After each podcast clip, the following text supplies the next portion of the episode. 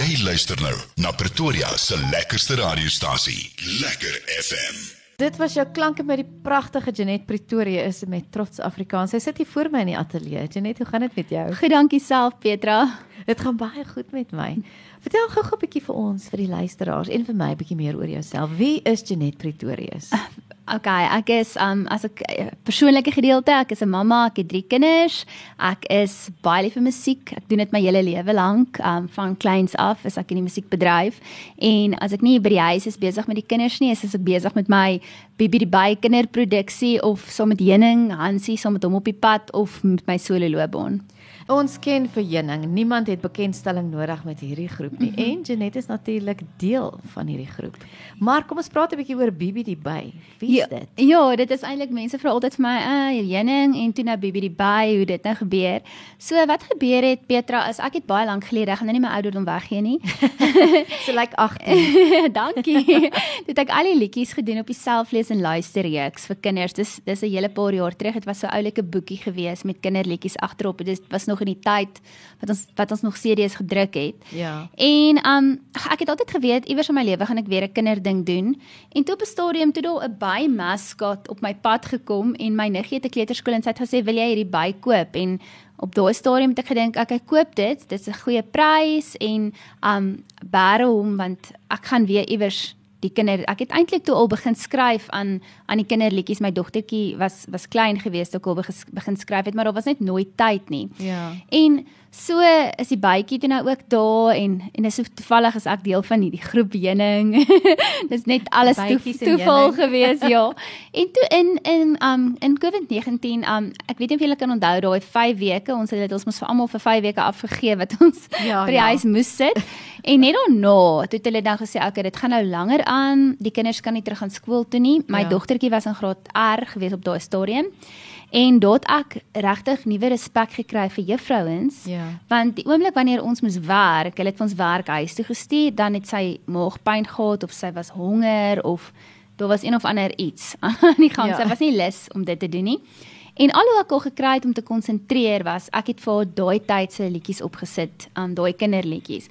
En toe ek sy nou dit luister, te besef ek dit regtig dit, dit is outdated as ek dit nou so kan stel. Ja. Dit, en dit is want ek het ook baie keer het ek vir myself die vraag gevra, hoekom luister kinders nie meer na kindermusiek nie? En die kinders luister na na goed wat ons um, mense op Vrydag en Saterdag aan luister op by braaies wat glad nie die lirieke is absoluut glad nie van toepassing op hulle nie. Ja. Um en en ek het besluit ek wil ek wil 'n Afrikaanse reeks uitbring um opvoedkundig maar met met daai tipe klank, die tipe instrumente, die tipe hook lines, um dit moet rep repeteer, die woorde moet repeteer, maar dit moet dit moet kinders leer en dit moet vir hulle lekker wees. En daar is Bibi die buite nou gebore, daar het ek toe nou 'n 'n plan vir my en ek dink dit is ook oulik om 'n bytjie te kies want bytjies speel 'n baie belangrike rol in die natuur.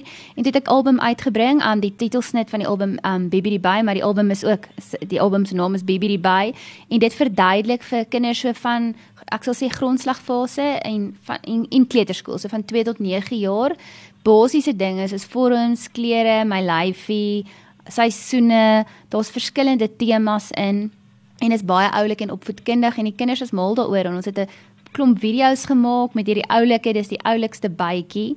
Dis 'n dogtertjie. Ja. Um en ja, en die dit die klanke is maar so 'n bietjie gemanipuleer. Ek het dit ons het dit ek het dit self opgeneem, maar laat dit maar die 'n bietjie jonger klink, um so met die EQ en alles wat jy gebruik, maar laat dit dit is absoluut gemik op kinders. So ek sing nie vir die volwassenes daar nie, maar ek moet sê dit is dit het 'n lekker dit het lekker ritme en dit is, is iets wat mamma en pappa dink ek soms sal na kan luister voor ja, hulle te ja. geïrriteerd raak.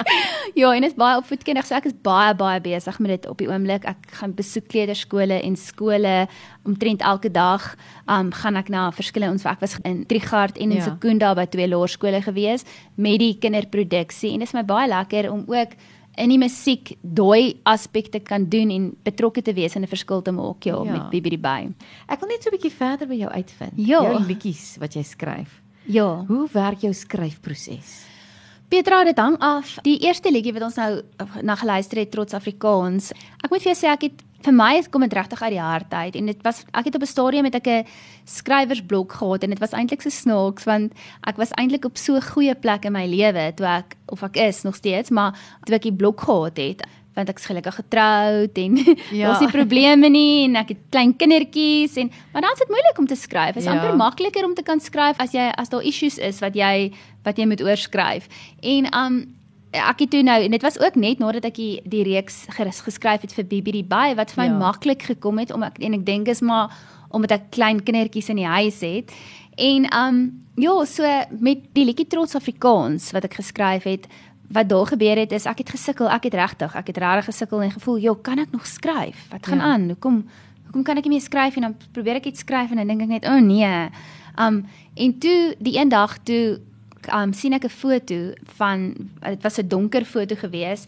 Was in Oktober gewees en toe Ja. sê hulle ja, "Ooh, kyk, Suid-Afrika se kersliggies is aan." En dit was my so snaaks geweest toe ek die foto sien. Toe dink ek, maar dis een ongelooflike ding van ons mense is dat ons kan altyd humor sien in iets. Al Ja. is jy in watter situasie en dit het my toe geïnspireer om trots Afrikaans te skryf want toe besef ek dis eintlik want dit is eintlik 'n baie diep liedjie. Dit gaan oor ons wat moet opstaan en ons is sterker as wat ons dink en ek dink in die Bybelse tyd het hulle mekaar met klippe doodgegooi en hier sit ons nou in ons tyd en ons het struwelinge soos om sonder krag te sit en Ja.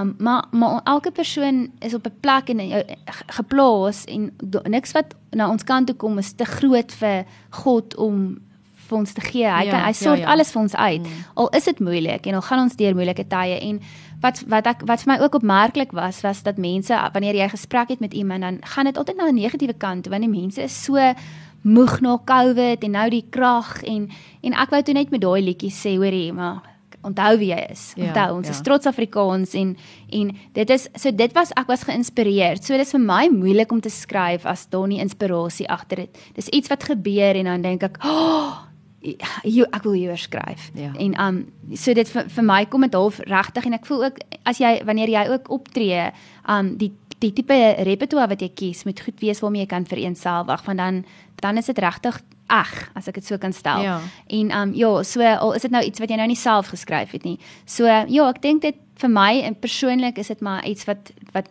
wat jy sien wat jou inspireer of wat met jouself gebeur het en jy kan daai storie met mense deel.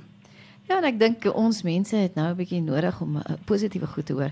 Maar daar's 'n plek vir 'n bietjie hartseer. Ja. Daar's een ou wat bietjie salk saam met jou as jy sing want hy gaan nou net deur 'n slegte tyd. Ja. Maar ek dink soos wat jy sê waar ons nou is, het Ja. ons 'n bietjie meer positiwiteit Ek nodig. dink is. so, ek dink mense is mense mense moet opgelig word. Ek Ja. dink mense gaan en ek dink baie mense steek dit baie weg. Um wat deur moeilike tye gaan en is dalk te trots om te sê en goed. En ek Ja. dink net ek dink dit en ek dit is hoekom dit so lekker is om 'n kunstenaar te kan wees om te gaan en te sê okay, hoorie vir die volgende uur wil ek eintlik vir jou 'n lekker tyd gee. Um dit is dis eintlik 'n voorreg om in daai beroep te kan wees en om dit te kan doen en om te kan sien jy maak mense happy op 'n manier, maar al is dit nou net vir 'n rukkie. Ja, ja. Deur wat jy doen, ja. En ons gaan nou praat oor 'n liedjie Love is like a butterfly. Vertel my 'n bietjie meer oor hierdie liedjie. Ja, weet jy, dit is 'n dit is 'n liedjie van Dolly Parton. Um Ja. ek het ek was in 2020 of was dit nou 2019? Ek kan nou nie onthou nie, maar kyk, Jening was by David Gresham Records gewees. Dit Ja. was aan- aanvanklik hulle Brian Baba gewees. En toe het Andrew my gekontak van David Gresham en hy het gesê stel ek belang om 'n om 'n Dolly Parton tribute album op te neem en ek ja ek, ek het dadelik gesê ja want sy is volgens my een van die beste beste liedjie skrywers in Ja, die hele sy is. wêreld. Sy skryf die mooiste liedjies. En ek is baie lief. Ek het met country musiek groot geword. Ek's Ja. ja. baie lief vir country musiek en Jening het ook 'n baie sterk country aanslag. En ek het hom gesê verseker stel ek belang en ons het die album opgeneem. En toe um toe raak ek swanger met my seentjie. Ja. En um dit is 'n groot wonderwerk gewees en ons het toe besluit ons gaan 'n bietjie wag voordat ons die album vrystel. Ja. En uh, hulle was bang die onderhoude gaan oor ma wees en nie oor die oor die album nie. En ag toe het ons die album vrygestel. Dit was Maart 2020 is die album vrygestel en ons het groot drome gehad. Ek het nog by die Rockwood teater het ons bespreek vir 'n hele run O, ja. wat ons sou gedoen het in September met 'n Dolly Parton vertoning Ja, en ja. ag dit so 'n tribute vertoning.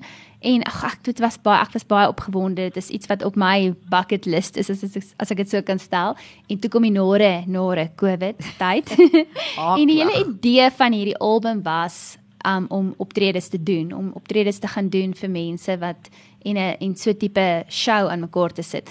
En ja, so dit het nou heeltemal heeltemal glad nie gerealiseer nie, maar ek moet sê dit is 'n die hele album is 'n cover. Dit gaan dis alles cover liedjies van haar, en maar ja. dis een van die albums waarop ek regtig baie trots is. Dit is dit is dit was vir my so smaakvol gedoen en ek is mal oor haar musiek en dit was my verskriklik lekker om om dit te kan te kan opneem. So Love is like a butterfly is een van my gunsteling liedjies van haar.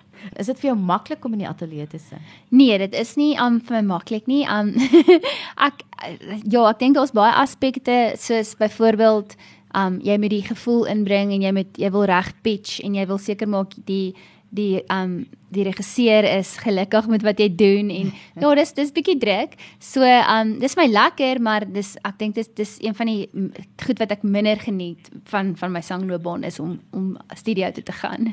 Janet jy sing 'n volgende liedjie Jolene, baie bekende liedjie vir almal wat lief is vir country musiek en nie lief is vir country musiek. Ja. ja, ek weet Jolene is is um is die liedjie wat die mense wat nie lief is vir country musiek nie is dalk as gevolg van daai liedjie. ja. Of ek het dit al gehoor, maar dis 'n lekker liedjie daai. ek is mal oor dit. Dit ja. is maar een van die mooiste liedjies wat ooit geskryf is. Ja, ek dink ook en ek dink dit het 'n baie mooi boodskap. Waar kan die luisteraars jou musiek in die hande kry? En waar kan hulle jou boek vir optredes? Ja, wel, dis eintlik so snaaks. Um um mense sê altyd, "Jesus, maar jy dra baie hoedens in die musiekindustrie." so ek het 'n paar platforms. Die eerste een is natuurlik Hening, die een wat die meeste van die mense ken. Um so die Hening musiek is op al jy kan net gaan intik Hening en dan gaan jy vir my en Hansie hoor met Hening. Um dit is op Apple Music. Al die al die skakels wat ek nou genoem is op Apple Music, Spotify, al die sosiale platforms en dan is daar my eie solo loopbaan Janet Pretorius wat die mense net kan gaan intik Janet Pretorius. Daar gaan hulle die country album kry en hulle gaan um my nuwe enkelsnit kry Trots Afrikaans en dan van nog van die musiek wat ek gaan vrystel. En dan het ek natuurlik BB die Bay en dit is ja. onder BB die Bay dit is vir die kindertjies. Dis um hoofletter B soos die Engelse B koppelteken B BB die Bay en dis waar hulle al die opvoedkundige liedjies kan gaan kry vir kinders tot en met 9 jaar um, wat iets heeltemal anders is. Maar dit is ek en die oulike bytjie wat dan nou daar is. En ons het ook oulike video's op YouTube is in Afrikaans en Engels. En ons het ook 'n Kersfees album uitgebring met BB die Bay so daar's so drie verskillende platforms en dan um, vir besprekings is daar gelukkig net een nommer ja so ek maak dit maklik vir die mense. So dis 'n WhatsApp nommer. Dit is 061 456 7673 en wat natuurlik baie lekker is wat ek agtergekom het aan veral met die verder plekke is dat mense kan byvoorbeeld hulle kindervermaak boek en dan kan hulle vir my Nancy kry as heuning of hulle kan my kry. En dan is dit 'n bietjie kostes wat jy spaar met die reiskoste en so aan. En is twee heeltemal verskillende aanbiedings. So ek doen nogals baie van dit vir die kerkbazaars en ja. en so aan wat nogals lekker is en dan sal ook 'n e-posadres bbdby@gmail.com sonder die koppelteken. So um mense ons, kan daar gaan kyk. Gee ons net weer 'n nommer. Um die nommer is 061 456 7673. Ek weet bbdby is vir opvoedkundige doeleindes. Ja, kan mense as hulle wil vir jou borg kan hulle daai selfde nommer gebruik indien hulle so wou doen? Ja, hulle is baie baie welkom, ja. Baie dankie dat jy by ons kom kuier, Jenet. Dankie Petra, dit was 'n groot voorreg geweest. Dankie vir die geleentheid. Ek waardeer dit regtig. Dankie hoor, bye bye. Dankie. Lekker FM